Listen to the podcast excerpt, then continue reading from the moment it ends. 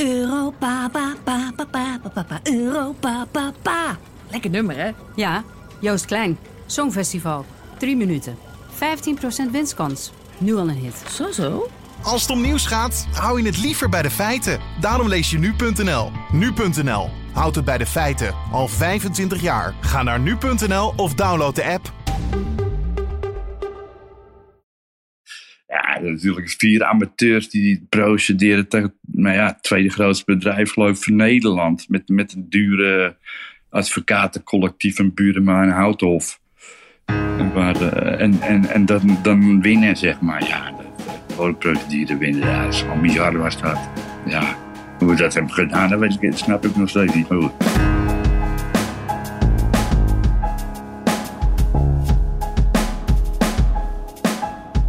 Omwonenden van Tata Steel die naar de rechter stappen om de vergunningen van het bedrijf aan te scherpen.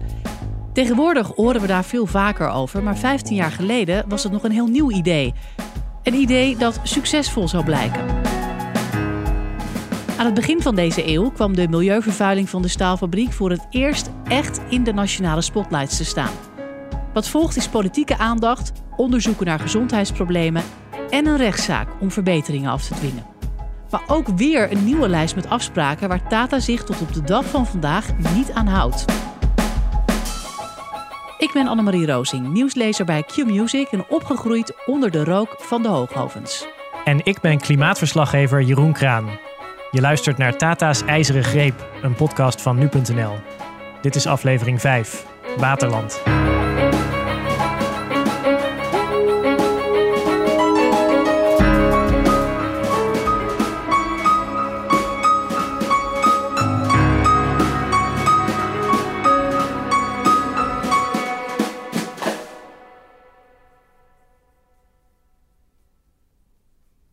Zoals je in de vorige aflevering hoorde, werd Wijk aan Zee aan het begin van de jaren 90 wakker geschud door een serie grafietregens.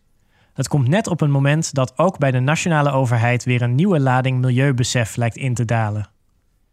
Het RIVM publiceert rond die tijd het rapport Zorgen voor Morgen, waarin klimaatverandering en milieuvervuiling naar voren komen als gigantische problemen die wereldwijd en lokaal moeten worden aangepakt.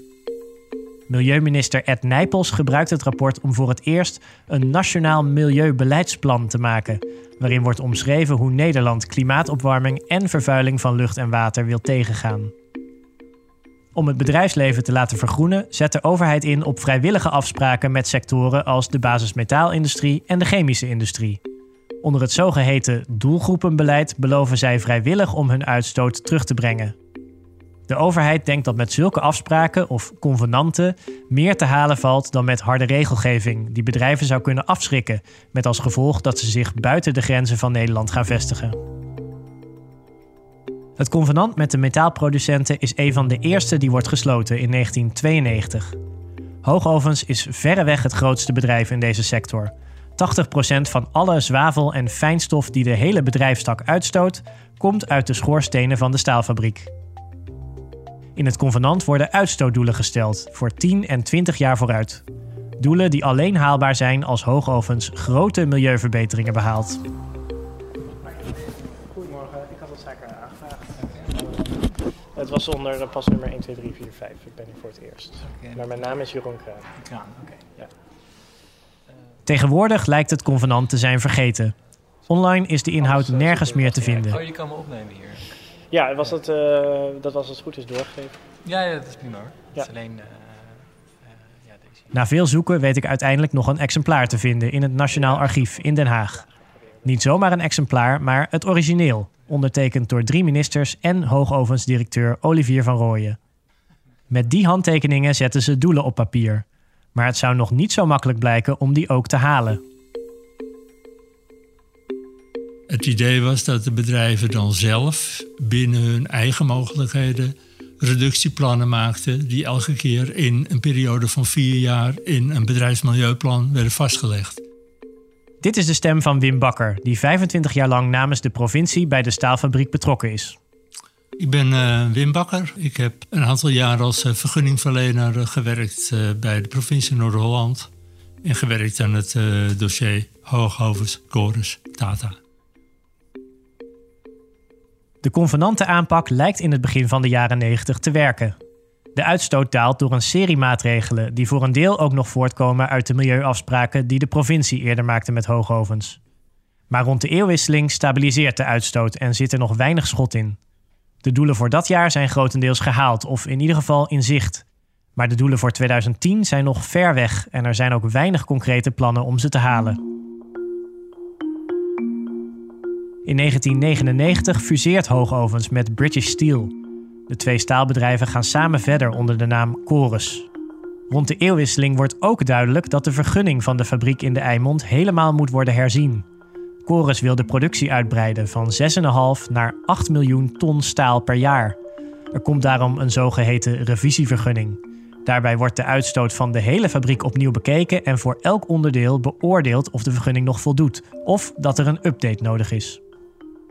Het is veel werk om zo'n revisievergunning op te stellen. Het zou ook een, andere manier van vergunningenverlening zijn dan in het verleden. Die was toen veel meer op hoofdlijnen. Dus we zouden ook meer gedetailleerde informatie in de, in de vergunning moeten opnemen. En dat betekent dat er toch veel werk uh, zou zijn. En we hebben toen afgesproken dat we onderdeel voor onderdeel met elkaar zouden uh, vaststellen. En dat die dan in zijn geheel ingediend zou worden. En, en als het dan, uh, u zegt, er zijn natuurlijk ook gewoon regelmatig ehm, gesprekken met, met het bedrijf. Ehm, hoe ging dat? En, en was dat ja, vriendelijk? of is dat een strijd? Hoe, hoe moet ik me dat voorstellen? Het zijn onderhandelingen over het algemeen. Maar langzamerhand in de ontwikkeling van de tijd is het steeds meer zo gekomen dat er um, hulpmiddelen voor zijn. Documenten waarin de techniek is beschreven. Zo'n zo 30, 40 jaar geleden was er weinig op papier bekend. Moest je dus heel veel zelf uh, doen. Hoe doe je dat eigenlijk? Zo'n vergunning schrijven voor een waanzinnig complex bedrijf als deze staalfabriek. Voor een belangrijk deel is het een technische klus, legt Wim Bakker uit. Tegenwoordig wordt op Europees niveau vastgesteld wat de best beschikbare technieken zijn voor iets als een staalfabriek. Die worden overgenomen in de vergunning. En de vergunningverleners kijken of de lucht- en waterkwaliteit in de omgeving van een fabriek wel aan de wettelijke eisen voldoen. Maar voor een deel is het opstellen van een vergunning, zoals Wim zelf erkent, ook een onderhandeling, want er is speelruimte. Dus daar komt ook politiek bij kijken. Uh, de politiek komt altijd aan de orde als er discussiepunten zijn met bedrijf. Dus voor een heel groot gedeelte wordt het bepaald door de techniek, uh, zeg maar, en de wetgeving. En op het moment dat er discussie komt of je dingen wel of niet moet doen, als je aan de, aan de rand ervan uh, zit, dan is de praktijk vaak bij de grote bedrijven dat die de politici opzoeken om hun standpunten duidelijk te maken. En te kijken of ze daar gehoor voor krijgen. En vanaf 2004 hebben Chorus en de politiek nogal wat om over te discussiëren. Het bedrijf wil met de nieuwe vergunning uitbreiden, maar de gemeenten in de Eimond hebben ook grote bouwplannen. En zij zijn bang dat de bouw niet door kan gaan omdat Chorus, zoals de hoogovens na de overname tijdelijk heten, bijvoorbeeld te veel lawaai maakt of te veel stikstof uitstoot. Problemen die misschien nog wel erger worden als de staalproductie straks omhoog gaat. Chorus, op zijn beurt, is bang dat de gemeente de vergunningaanvraag zullen blokkeren. De provincie, gemeente en Chorus zetten een overleg op. Regelmatig komen ze bijeen op landgoed Waterland in Velsen-Zuid om tot een akkoord te komen over ruimte voor wonen en werken in de Eimond, zoals het in 2005 uiteindelijk op papier komt te staan. Deze gesprekken worden ook wel het Waterlandoverleg genoemd, het zogenoemde niet-aanvalsverdrag. En inderdaad, de gemeenten spreken af om geen bezwaar te maken tegen de vergunning van Chorus, terwijl Chorus op zijn beurt instemt met de woningbouw. Bijna twintig jaar later vertrouwen omwonenden die niet bij het overleg mochten aanschuiven, nog altijd niet wat daar is besproken. Ze vinden dit een gevalletje handjeklap. Een ruime vergunning voor Chorus in ruil voor woningbouw. Iedereen blij. Behalve dan de omwonenden die met de vervuiling zitten. De zorgen krijgen voor het eerst een breed publiek in 2007 in een uitzending van Zembla, genaamd Het Gif van Chorus. Er is gewoon een deal gemaakt, zegt Douwe Buwalda van de dorpsraad Wijk aan Zee in de uitzending. Vijftien jaar later is hij geen lid meer van de dorpsraad, maar kijkt hier nog wel hetzelfde naar. Het feit dat die besturen gewoon zwart op wit hebben gezegd... Nou, we gaan geen bezwaar maken, ongeacht wat erin staat. Ja, hallo. Als uh, de, de, uh, de, wethouders van milieu van de gemeente rondom in de Eimond moeten we verduveld goed weten wat daarin staat. En eventueel zelf bezwaar maken.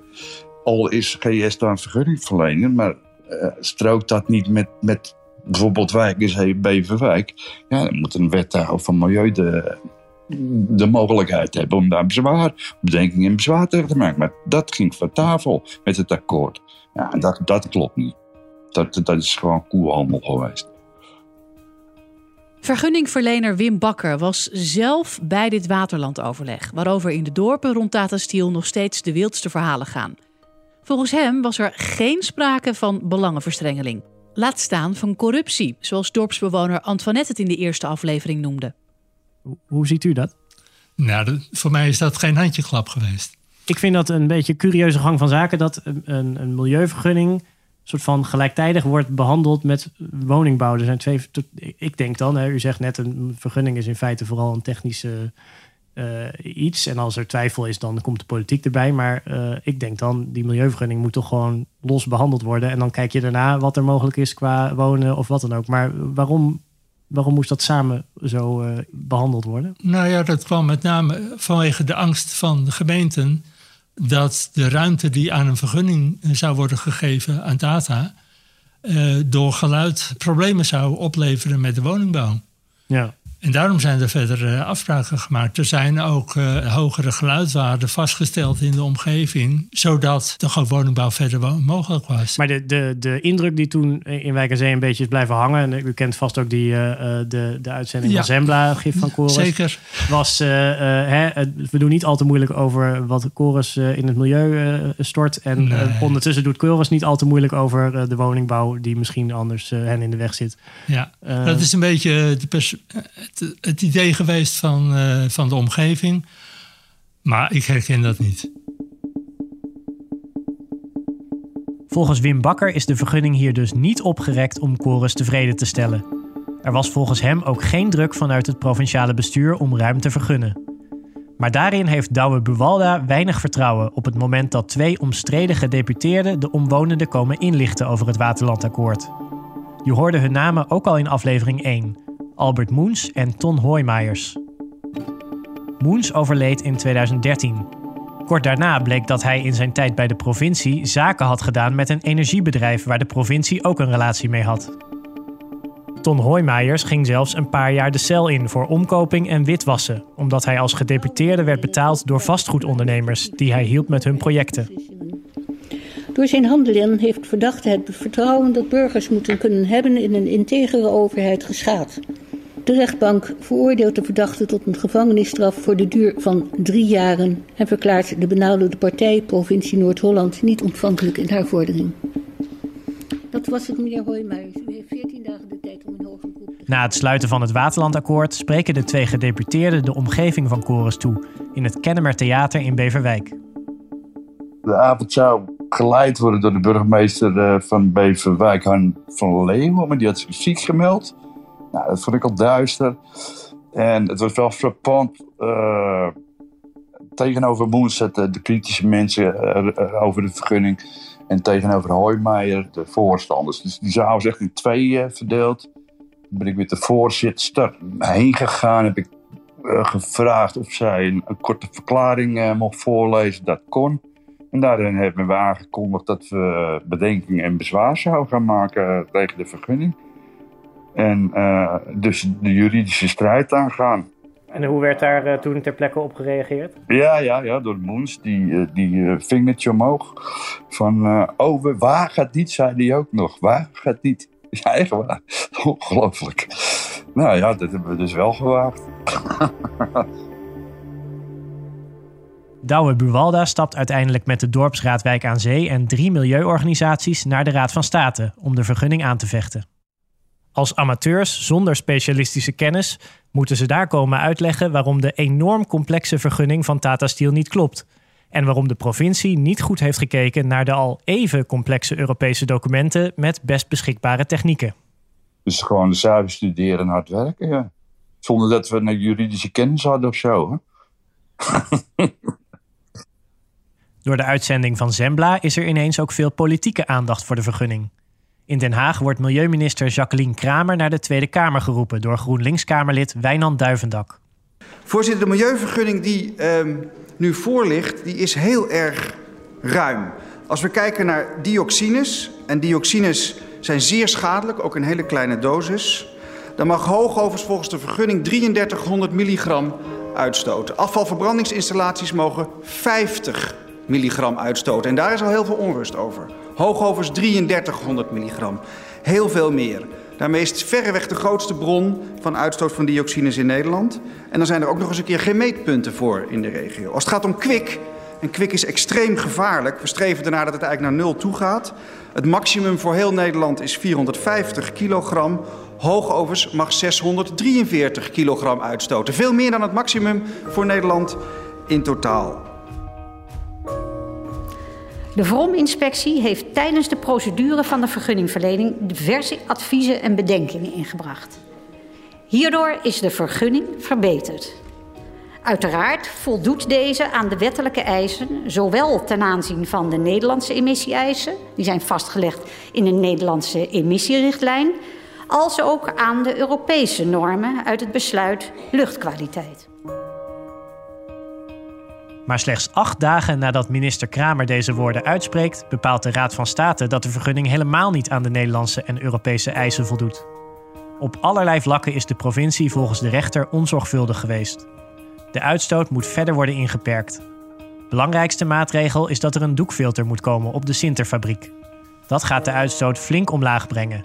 Maar ook op andere plekken moet de vergunning worden aangescherpt dat, dat doekfilter, wat er toen uiteindelijk is gekomen na die rechtszaak, dat heeft ervoor gezorgd dat bijvoorbeeld de uitstoot van lood met volgens mij drie kwart of zo is gedaald. Echt aanzienlijke hoeveelheden. Uh, dat vond u dus niet nodig. Er was bij het bedrijf een andere techniek al geïnstalleerd in 1998. Een hoge druk was er. En de aanvankelijke insteek eh, van de provincie is geweest dat er ook een redelijke afschrijvingstermijn moet zijn voor een dergelijke installatie. Het laat zien dat ook de economische belangen van een bedrijf een belangrijke rol spelen bij de vergunningverlening. Een milieuinvestering kan alleen worden afgedwongen als dat financieel haalbaar is en als de vorige milieuinvestering inmiddels is afgeschreven. Toch zegt de Raad van State dat de provincie onderzoek had moeten doen naar het doekfilter. Bovendien moeten er strengere grenzen komen voor de uitstoot van schadelijke stoffen als chroom en zink. Hoe voelt dat dan? Is dat dan voelt dat voor u persoonlijk als een eh, tik op de vingers van de, van de rechter? Het is nooit leuk. Nou, wel als uh, je vergunning waar je toch je best op hebt gedaan voor een deel uh, vernietigd wordt. En, en denkt u dan nu, ja, eigenlijk hadden ze gewoon gelijk. We hadden dat doekfilter er meteen in moeten zetten. Of hoe kijkt u daarnaar?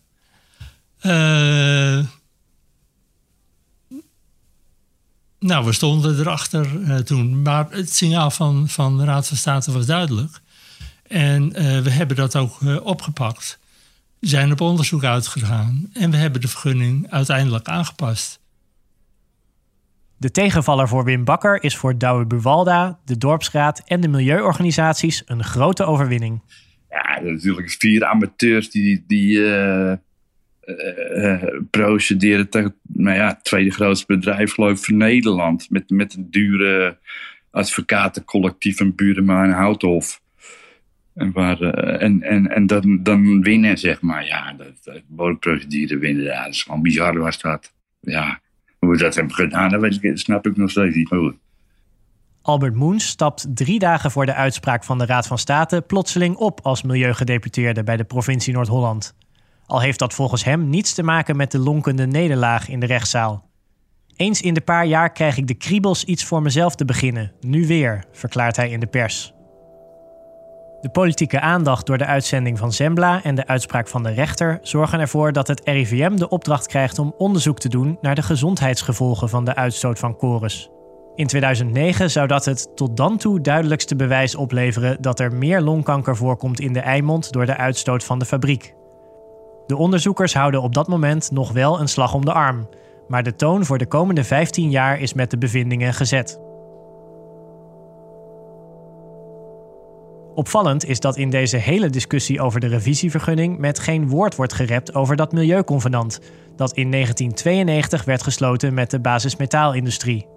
Hoogovens en tientallen andere bedrijven hadden daarin uitstootdoelen afgesproken voor 2010, die bij lange na niet gehaald werden. Sterker nog, veel van die doelen worden ook vandaag de dag nog niet gehaald.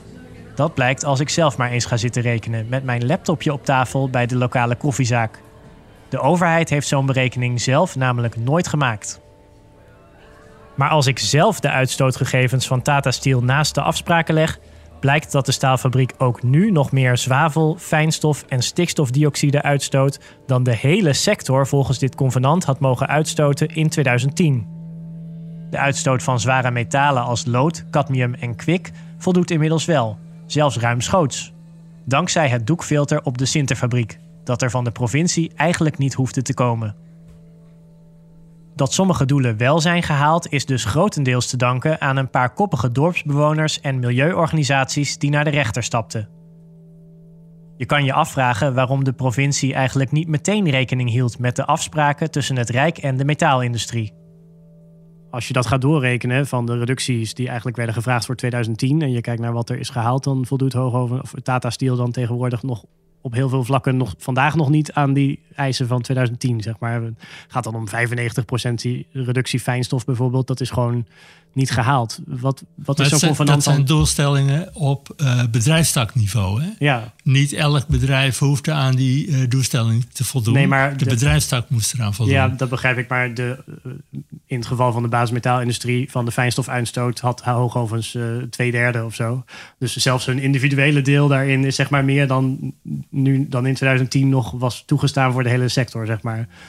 Um, wat is zo'n convenant dan uh, waard als, dat, als zo'n doel uiteindelijk niet wordt gehaald en kennelijk ook niet afdwingbaar blijkt?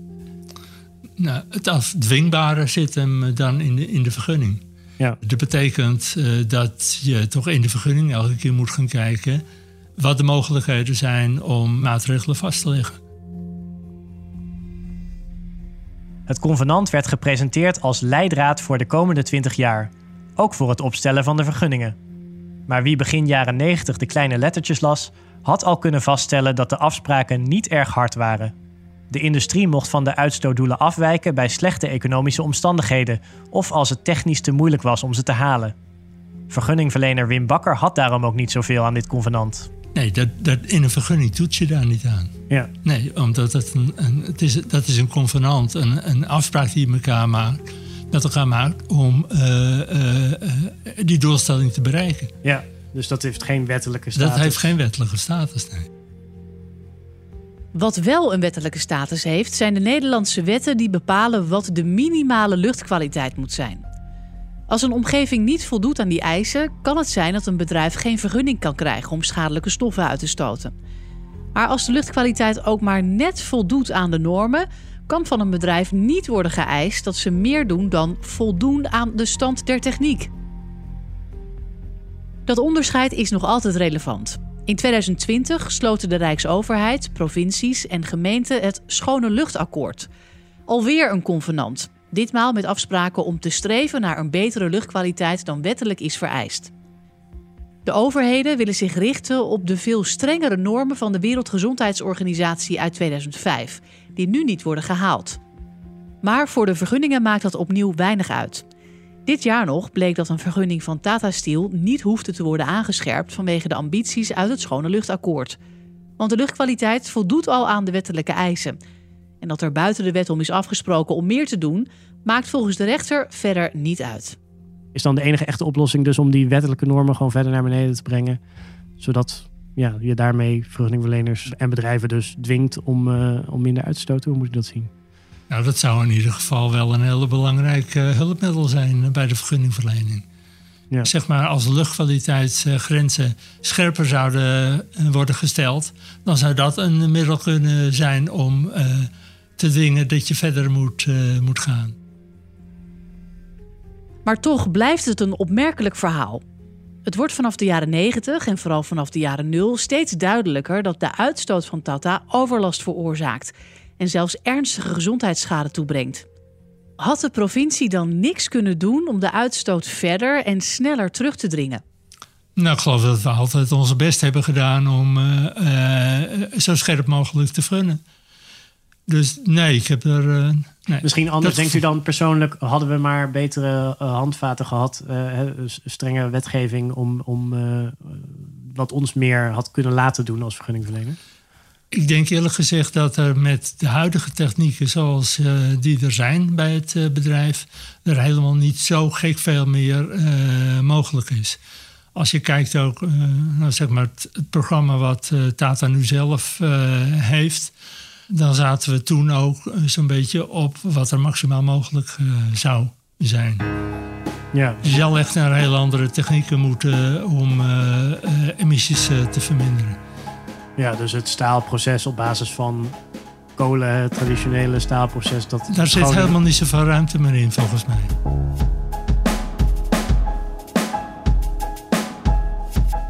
Met het huidige proces zijn alle opties wel zo'n beetje uitgespeeld, lijkt de conclusie van Wim Bakker.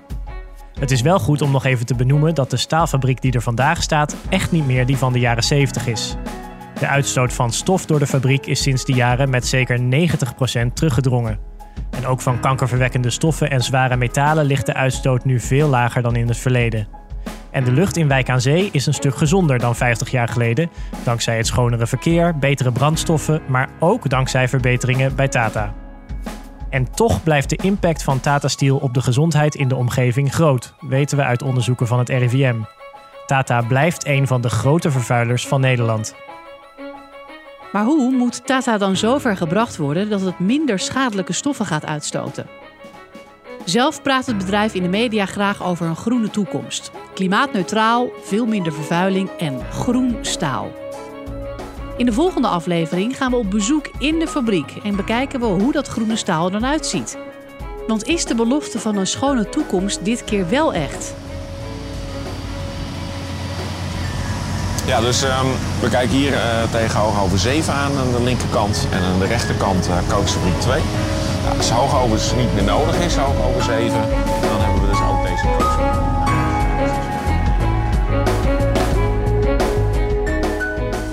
Tata's IJzeren Greep is een podcast van nu.nl. De serie wordt geregisseerd en geproduceerd door David Achter de Molen van het Podcastkantoor. Onderzoek en presentatie worden gedaan door ons, Jeroen Kraan en Annemarie Rozing. En de eindredactie ligt in handen van Frank Brinkhuis. Vond je dit een interessant verhaal? Laat dan vooral even een recensie achter, zodat we beter vindbaar worden voor nieuwe luisteraars. En wil je ook de volgende aflevering niet missen? Abonneer je dan op de plek waar jij het liefst naar je podcast luistert. Of via nu.nl/slash. Heb je een reactie of tip? Stuur dan een mailtje naar jeroen.nu.nl.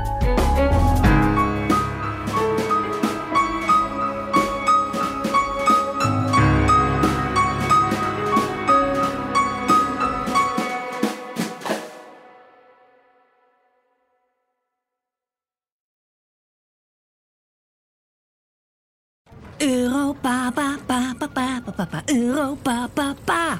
Lekker nummer, hè? Ja, Joost Klein. Songfestival. Drie minuten. 15% winstkans. Nu al een hit. Zo, zo.